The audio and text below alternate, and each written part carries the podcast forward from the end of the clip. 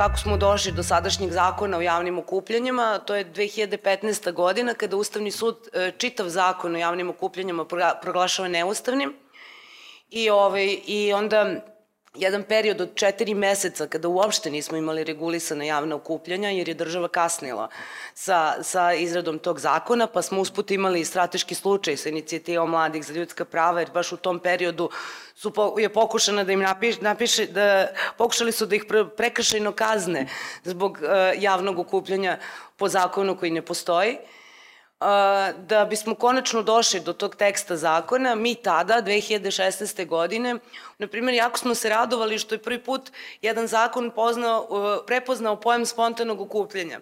I mislili smo da će to da biti korak napred u razvoju slobode okupljanja kod nas, međutim, vrlo brzo ćemo shvatiti da definicija spontanog okupljanja kao okupljanja bez organizatora zapravo predstavlja jedan od najupotrebljava, najupotrebljavanijih e, mehanizama zloupotrebe javnih ovlašćenja od strane državnih organa i način na koji ko se zakon koristi da se prekršajno kazne svi koji su stari pokušali spontano da se okupe.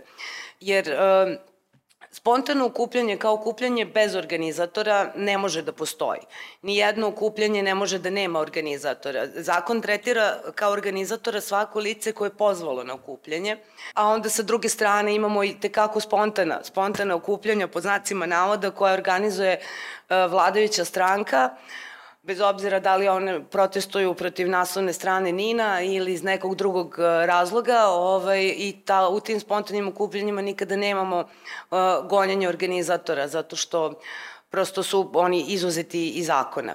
Onda smo došli do zabrane uh, skupa ovaj, povodom uh, brisanja murala, odnosno uklanjanja murala Ratku Mladiću pod obrazloženjem da ovaj, kontraprotestanti uh, mogu da se, da se bune i da tako nastanu neredi. I to je zapravo, imamo jednu situaciju kada jedan međunarodni standard prava na javno okupljanje jasno kaže da država naročito ima obavezu da zaštiti one koji žele da pošalju poruku koja e, nije toliko popularna u društvu i koja se razlikuje od većinskog mišljenja, imamo državu koja otvoreno kaže ne pada nam na pamet da vas zaštitimo. A o, sva ova prava o kojima govorimo, naročito pravo na slobodu izražavanja, pravo na slobodu udruživanja i pravo na slobodu okupljanja su zapravo treba gledati kao na jedno pravo, jer vi se udružujete da biste mogli na javnom okupljanju da izrazite svoje mišljenje. I to je ono, ka, znači ne pričamo ovde sada samo o pravu na javno okupljanje izolovanom od ostalih prava. Znači, nama je uskraćen glas kada nam je uskraćeno javno okupljanje, nama je onemogućeno udruživanje kada nam je uskraćeno javno okupljanje. Naša nedavna istorija uh, na, iz 90. godina nas uči šta znači kada, kada policija krene represivno da se odnosi prema javnim okupljanjima. imali smo proteste prošle godine u julu gde su, gde, koji su otvoreno bili isprovocirani da postanu nasilni, gde smo imali prekomernu upotrebu sile Imali smo nedavno sada blokade puteva gde s jedne strane uh, imamo upotrebu nasilja, a onda imamo potpuno ignorisanje od strane policije koja i dalje u obavezi da zaštiti ta okupljanja. Znači imamo jako veliki broj primera uh, u kojima uh, se nama pravo na okupljanje krši kao deo mnogo šireg prava da izrazimo mišljenje i da se udružimo i da se uopšte bavimo aktivizmom.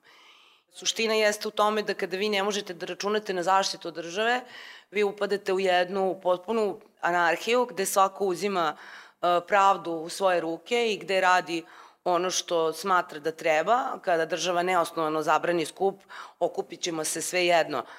Da li, da li je bilo osnova za to ili ne, a posledice toga su na kraju da će opstati samo oni koji su spremni i koji su jači i koji su spremni da primene nasilje državni akteri, pomiješano sa nedržavnim akterima koji vrše nasilje, pa prelaze na eskadrone i falange je vrlo opasno. Ja mogu, imamo toliko, do, imamo toliko situacija u kojima nije problem Sima Spasić. Nemojte na Simu Spasića, to je stvarno niži službenik e, e, ovaj, MUPA. To nije ni službenik. Nego je pitanje tu kada, su, kada imaju naloge specijalne, ovaj, kao što dolazi Drecun, na naše proteste dolazi Drecun, dolazi i Počuča, svi oni u komadu dolaze, tako su bili, svi oni su zavisno od, od raspoređeni. Prije podne idu na blokade, popodne idu na žene, uveče idu na žene u crnom. Izvinite, molim vas, ja sam rekla, prigovor savesti na policijske troškove. Zašto jadni građani da plaćaju da e, e neko štiti žene u crnom? Mi smo u ovom dokumentu, a inače po posebnu pražnju obratili na ove desničarske organizacije kojima se sve apsolutno gleda kroz prste e, iz ugla e, e, javnih okupljanja, ali i u svim drugim sferama ovog pravnog sistema. I mislim da upravo, upravo treba posmatrati zapravo državu kao jedan sistem javno-privatnog partnerstva između ovih huliganskih grupa i, i, i vladajućih struktura, nažalost, i da tu zapravo mi jako malo imamo e, pravnih sredstava zaštite u trenutku kada vama jednostavno e, država otkaže poslušnost ili još, ili još gore, ako vam da obezbeđenje pa vi ne znate da li su ti policijski službenici tu da vas čuvaju ili da vas kontrolišu. Bila sam dve i po godine štićeno lice i takozvana peta uprava, odnosno ljudi iz pete uprave su bili moji stalni policajci iz stanice u koju sam privedena pre mesec dana te, ti policajci u uniformi su obezbeđivali zgradu. Bilo je vrlo indikativno to kako su se oni ponašali na ulici, šta su nam radili, što ste videli. I uh, u trenutku kada mi ulazimo u stanicu policije, utrčava jedan mladi inspektor koga ja znam takođe iz viđenja, sad Staša što je pričala, pa maltene sam se već srodila sa, sa go, gomilom njih, sad su već onako prijatelji prilaze, pozdravljaju se i van, van ovako da kažem, potpuno slučajno ako se sretnemo na ulici ušao je taj jedan mladi čovek koji mi se predstavio, kažem, pa ja ti, ja se znamo i on je onako izražavao žaljenje što smo mi tako privedene na taj način, što je Marica došla, on je došao kao privatnim kolima. Ali ova brutalnost kojim se oni sada obrušavaju mi govori da je zaista policija otvorila vrata desničarskim grupama. Oni definitivno, ova vlast ne može u potpunosti da računa na, na, na, na kompletnu policiju, Zato su oni morali da, da sada otvore vrata, baš zato što pojačavaju lestvicu i zato što ova vlast očigledno sada je na delu kompletna revizija, 90. To ozelo se sada vratilo u ovaj grad, pa poslednjih šest godina ono eskalira, eskalira i da sada je došlo do one granice kada su oni zaista širom otvorili vrata desničarskim organizacijama, huliganima i tako dalje. Kao Hilter 44. na, na, na petu struže ono kao dečake, više nema koga nego gura njih na, na front. To radi sada i Vučić, sve desničarske organizacije, sve huligane i on je mobilisao sve te snage i mi sada, ja zaista verujem da ćemo mi sada u mesecima koji su pred nama videti i falange na ulici i razbijene glave. Mene je prošle nedelje, odmah posle ove prve blokade, dva policijska službenika policijske uprave Smedra su došli da me privedu, bez ikakvih e, objašnjenja zašto. Moj otac je bio kući, ja nisam bio kući. Ovaj, pozvali su me, dao im je on broj telefona, rekli su da hitno dođem u policijsku stanicu.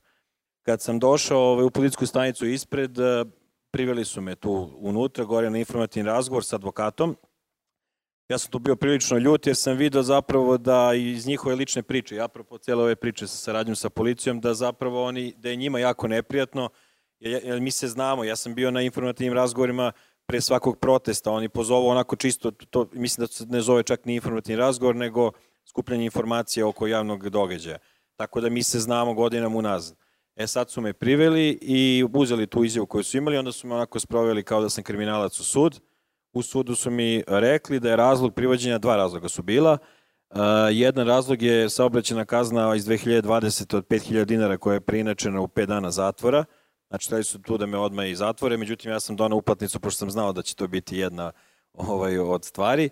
I druga stvar je naš protest iz avgusta 2020. gde su uh, mi stavili na teret nepredržavanje epidemioloških mera. Jer uh, neki učesnici nisu nosili maske. Znači ja ću postaviti da je to bilo na otvorenom, da je u to, u to, u tad smo već pobedili koronu ovaj, i mi smo prijavili u skladu sa zakonom, znači protest, sve kako treba u skladu sa zakonom javnim okupljanjima. Oni su tada tražili da mi uh, uzmemo i mišljenje kriznog štaba i mišljenje Zavoda za javno zdravlje. Mi smo tražili to mišljenje. Oni su nam rekli da se ne slažu sa protestom. Izvini, Nikola, samo da te pitam, jeste, uhapsili su te kao organizatora okupljanja zato što su učesnici okupljanja kršili mere. Je li ne, to bio razlog? Ne, nisu pominjali uopšte to. Znači, oni su mene priveli zbog te saobraćene kazne koje je prinačeno u 5 dana zatvora i zbog ovog protesta iz 2020. Jer su imali, dve, imali su dva naloga za privađenje praktično. Da, znači, nisu pominjali uopšte ni jednog momenta ovo i još su rekli da nema nikakve veze kao sa tim. Mislim, dan posle protesta. Da je to nepredržavanje epidemioloških mera i da će krivično možda da me gone, pošto sam kao, ne znam sad ko je to član krivičnog zakonika, narušavanje da. zdravlja ljudi, to ćemo tek videti. E, ovu prijavu sam video. Ovaj, tako da, šta je, šta je poenta cele priče? Uh, to, su, to je već ovo što kaže grebanje, uh, to je, to je već potezi očenika, jer je jasno bilo da neće da nas lome, da ćemo da ponovo izađemo u subotu, ono što je bila prošla subota, da, mislim, valjda smo računali na to. Da, da to znači da oni gube kompas polako.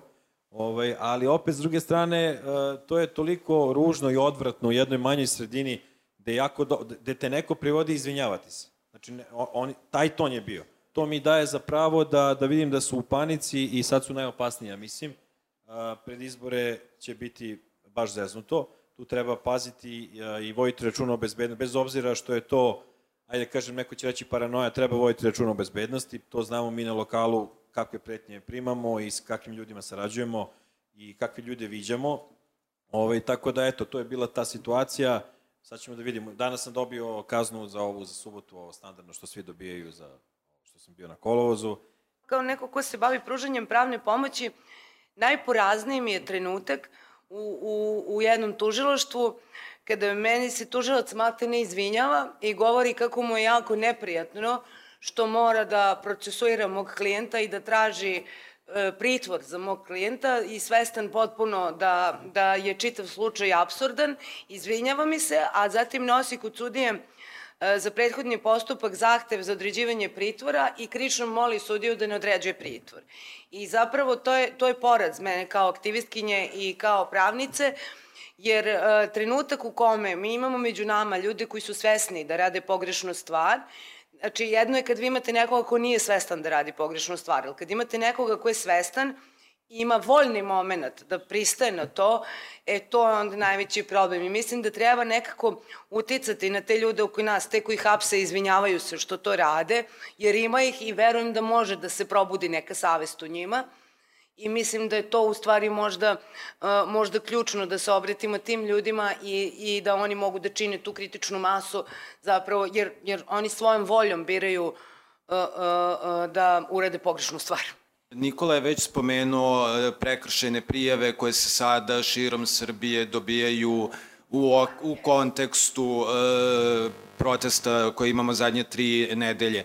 Ogroman broj tih prijeva, posebno u manjim mestima, imamo slučaj u Kovinu, u Pančevu i tako dalje, su dobijene na osnovu snimanja biometrijskim kamerama, ne na osnovu identifikacije ličnim kartama. Na sudu te prijeve ne bi prošle. Ono što e, Aj, gore moje ime. Mene zabrinjava jeste da e, mnogi naši saborci, aktivistkinji, aktivisti možda se plaše toga da e, ako ne plate kaznu da će ići u zatvor, a zapravo ja mislim da je tu jedno od boljih rešenja da se ide kroz sud, odnosno da se ne plati kazna, a ako se ide na sud, nek se ide na sud.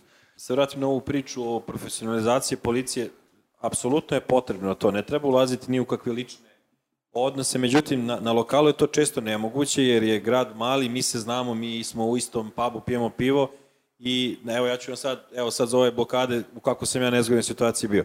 Sad ne mogu da imenujem ko je naj, jedan od najviših ljudi iz Smederevske policije, s, s kojim ja imam komunikaciju, znači na Viberu zbog tih nekih operativnih stvari, uh, ja sam dobio pretnju ubistvom. I to je javno i dalje stoji na Twitteru tamo, sa sve slikom kako puca mi u glavu i preti mi kako će da me ubije na tom protestu. I ja, mi smo malo analizirali taj, taj profil, videli smo da je neki lud čovjek u pitanju. I ja sam njemu to screenshotovo i rekao sam mu, jel ti misliš da treba, o, pošto ovo ne tiče više samo mene. Ja nisam organizator, nije niko, znači nije priljan skup. Se tiče bezbednosti svih. Ja mogu da kažem moje suprug i, i, i detetu nemojte da dođete, ali ne mogu da kažem drugim ljudima, niti želim da uznemirivam nekog. On mi je rekao, ajde doći, tad je bio taj prvi informativni razgovor, pa ćemo da vidimo.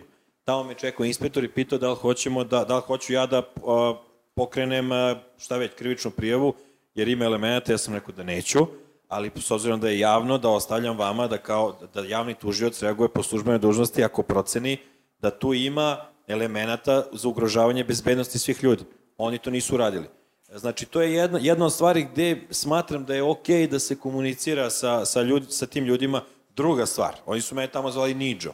Sad, to nije samo ono good cup, bad cup, nego oni znaju da će sutra da se promeni vlast. I znaju da će sutra dan da mu visi pozicija i svako ko je bio zamenik komandira želi da bude komandir i to su normalne stvari, posebno u malim sredinama gde se mi znamo. I ja bih tu dodao da se nešto u Smederevu desilo što se nije nigde desilo, a to je da su uh, glavnom uredniku SDKF-a portala novinaru napisali prijavu, znači kao novinaru. To se do sad nigde nije desilo, ali su odustali umeđu vremenu jer se žali uns i tako dalje. Ali to je sad neki sledeći nivo ludila. Znači sad novinaru pišeš koji je došao da izvesti da napravi prilog timu, timu pišeš jer se našao na kolovozu. Prvo je ovo čemu smo sad zapravo načeli e, pitanje legitimisanja i snimanja. Mislim da je to sad kao što je rečeno, akutno i da na to bi trebalo nekako zajednički da odgovorimo i da e, tražimo zapravo po kom osnovu se i da li zaista postoji ta oprema kojom se ovaj, e, snima, pa postoji naravno samo je, mislim da je naše pravo da zahtevamo šta, je, šta sve iza toga stoji. To se dešava i dešavalo se i na, i na drugim uh, i na drugim okupljanjima, ali ono što je sada, ja mislim, razlika je da, i to je baš e, slučaj u manjim sredinama, da oni prepoznaju već, jeli, kao usual suspects, i ono, samo te vide, ne priđu ti, čak i ne snimaju u tim slučajima i onda napišu prekršajnu ili čak krivičnu uh, prijavu. I sad, ja mislim da je tu važna solidarnost, da sad bez obzira na teme kojima se bavimo, da li je to ekologija ili suočavanje sa prošlošću, treba da zajednički to radimo. To je jedna stvar. Druga stvar je um, nešto što ja mislim, ja sam barem primetio to u poslednjih godinu dana, a to je caka sa takozvanim štićenim prostorom uh, za vreme uh, trajanja nekog uh, skupa. Znači, recimo, mi organizujemo festival Medita Dobar dan, pojave se iz četiri pravca različite huliganske grupe, policija napravi dva ili tri kordona, omogući njima kontraskup koji nije prijavljen, ali onda e, pod, e, ne znam, kojim argumentom da se, da se mi zaštitimo, onda zapravo onemogući ljudima da dolaze na festival, tako što meni inspektor pokaže Viber poruku od njegovog komandira, gde mu ovaj kaže štićeni prostor ti je deo te i te ulice. I oni zapravo tako te ograde da neki novi ljudi na taj festival ne mogu da dođu.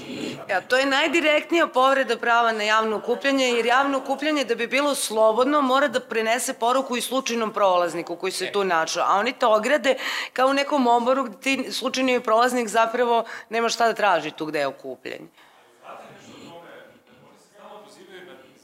To je, to je najveća misterija koju mi pokušavamo, ali niko nam ne odgovara ni usmeno ni pismeno. Znači, oni se pozivaju na neke imaginarne ili stvarne odluke suda o određivanju štićenog prostora.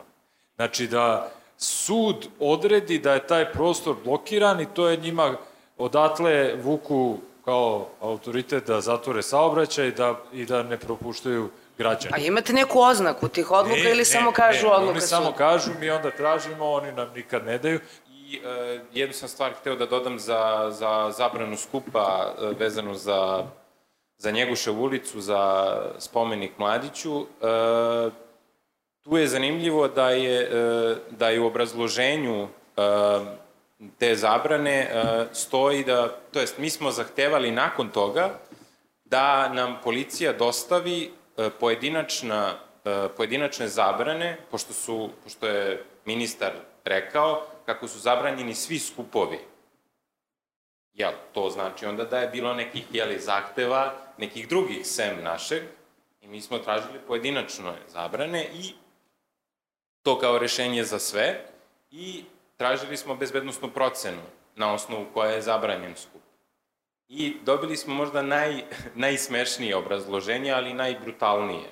I ono glasi, sve vam se nalazi na vašem sajtu. Misleći na uh, na to što smo mi na u zabrani, za rešenju zabrani morali da, da, ovaj, da objavimo dana kad smo dobili to. Setila sam se jednog jako dobrog primjera baš u pogledu te procene bezbednosti kada su narodne patrole prijavile veliki antimigrantski skup kod ekonomskog fakulteta, očistimo park kod ekonomskog fakulteta. Mi smo zajedno sa organizacijom Info Park tražili uh, skrenuli pažnju policiji, pošto smo smatrali da mi nismo uopšte merodavne, niti treba da tražimo zabranu bilo kog javnog okupljanja, skrenuli smo pažnju policiji na potencijalne bezbednostne rizike e, takvog okupljanja, s obzirom na to da okupljanje pozivalo na povredu prava e, drugih, odnosno na povredu prava izbeglica koje se tamo e, okupljaju. I e, nismo dobili odgovor ili smo ga dobili u, neke, pa, u nekih par popuno šturih rečenica, ali uglavnom taj skup je održan bez ikakvog problema. I to je, oni su kao izvršili bezbednostnu procenu i utvrdili su da tu nema nikakvih smetnje da se održi skup, iako je čak jedan od uslova iz Ustava, a i samog zakona da skup ne može da poziva na kršenje prava drugih i da je to jedan od uslova za zabranu okupljanja. Država nije videla nikakav problem u tome da taj skup zabrani. I mislim, pogotovo što se narodne patrole pozivaju na to građansko hapšenje, koje postoji kao u, u mogućnost u krivičnom zakoniku kada je neko uhvaćen kao učinilac krivičnog dela pa građanin može da ga zadrži dok ne dođe policija i oni se u odnosu na migrante e, e, non stop pozivaju na to građansko hapšenje, što je zapravo poziv, otvoren poziv da se e, jedan, jedna grupa koja, koja živi trenutno na teritoriji Srbije liši elementarnih ljudskih prava i to je nešto što iz ugla naše države je potpuno u redu i nema nikakvog smetnje. Za, za vreme vanrednog stanja je napravljena jako velika greška kada se povodom onoga što smo zvali policijski čas, odnosno, odnosno zabrana kretanja, ne upisao veliki broj prekršenih kazni je napisan. U velikom broju, ja sam imala prilike da preko 700 tih presuda pročitam prekršenog suda, I u tim presudama zaista prvo karakteristično je da su primoravali ljudi da se odreknu prava na žalbu da bi raspisali manju kaznu.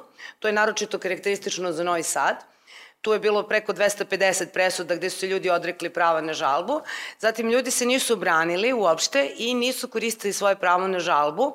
Iako bi sve te presude pale u drugom stepenu, ljudi nisu znali da treba da koriste svoje pravo na žalbu. I e, mislim da, s obzirom na to da je tih presuda ima na hiljade, da neće biti moguće Uh, izvršiti sve te presude, jer kada bi, kada bi sve te hiljade ljudi otišlo u zatvor, država bi bankrotirala.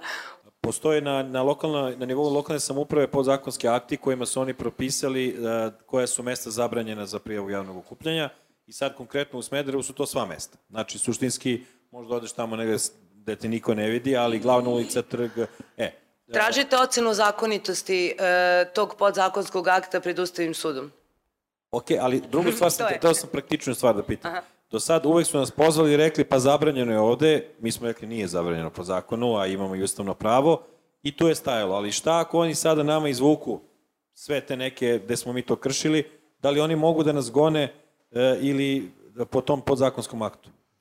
O, ne bi, ne bi trebao, znaš, da je, da je sve po pravu, taj podzakonski akt ne bi trebao ni da postoji.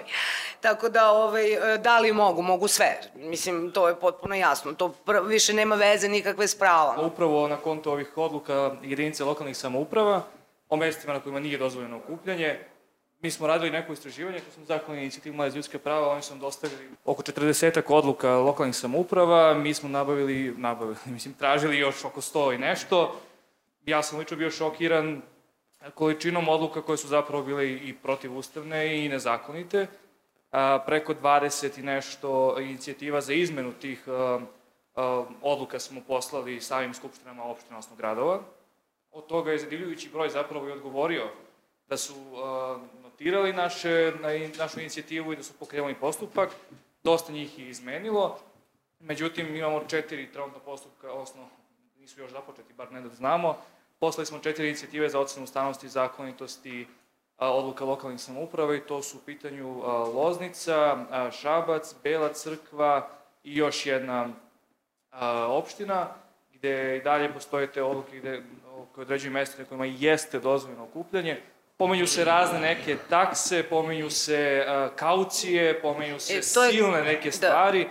I koliko god da ni oni sami verovatno nisu znali da imaju te odluke dok im nismo tražili informacije, i dalje postoji osnov, jeli, da, da mogu nekoga da gone upravo zbog toga. E, ogroman je problem inače sa partikularnim propisima lokalne samouprave, jer to, taj deo lokalnog prava nije unifikovan. Kad su javne okupljanja u pitanju, Ogromne su disproporcije između taksi koje se plaćaju, na primjer, ako hoćete da postavite štand, od opštine do opštine, to je potpuno paušalno, do daljih nekih ozbiljnijih ograničavanja prava. I sad smo imali skoro zakon o zaštiti stanovništva od buke, koji propisuje obavezu da ako skup e, e, ako skup prekoračuje određeni broj decibela, ako ugrožava, ako prekoračuje dozvoljenu buku, on mora da bude prijavljen e, jedinici lokalne samouprave da odobri skup čini mi se 20 dana pre okupljanja, što, a to je svaki skup, svaki skup ikada na koji treba da dođe više od 20 ljudi, može da naročito politički mitinzi, bilo koji protest, to je bukvalno svaki skup. I onda imate jednu perfidnu ideju zakonodavca da e, sa MUPA skrene regulisanje javnih okupljenja na jedinicu lokalne samouprave na jedan način koji je potpuno suprotan zakonu o javnim okupljanjima, jer vi sad dolazite u situaciju, morate, zamislite sad kad krene predizborna kampanja, da svaki skup mora da bude prijavljen 20 dana ranije, a imate možda dva ili tri meseca za predizbornu kampanju koliko je to suludo.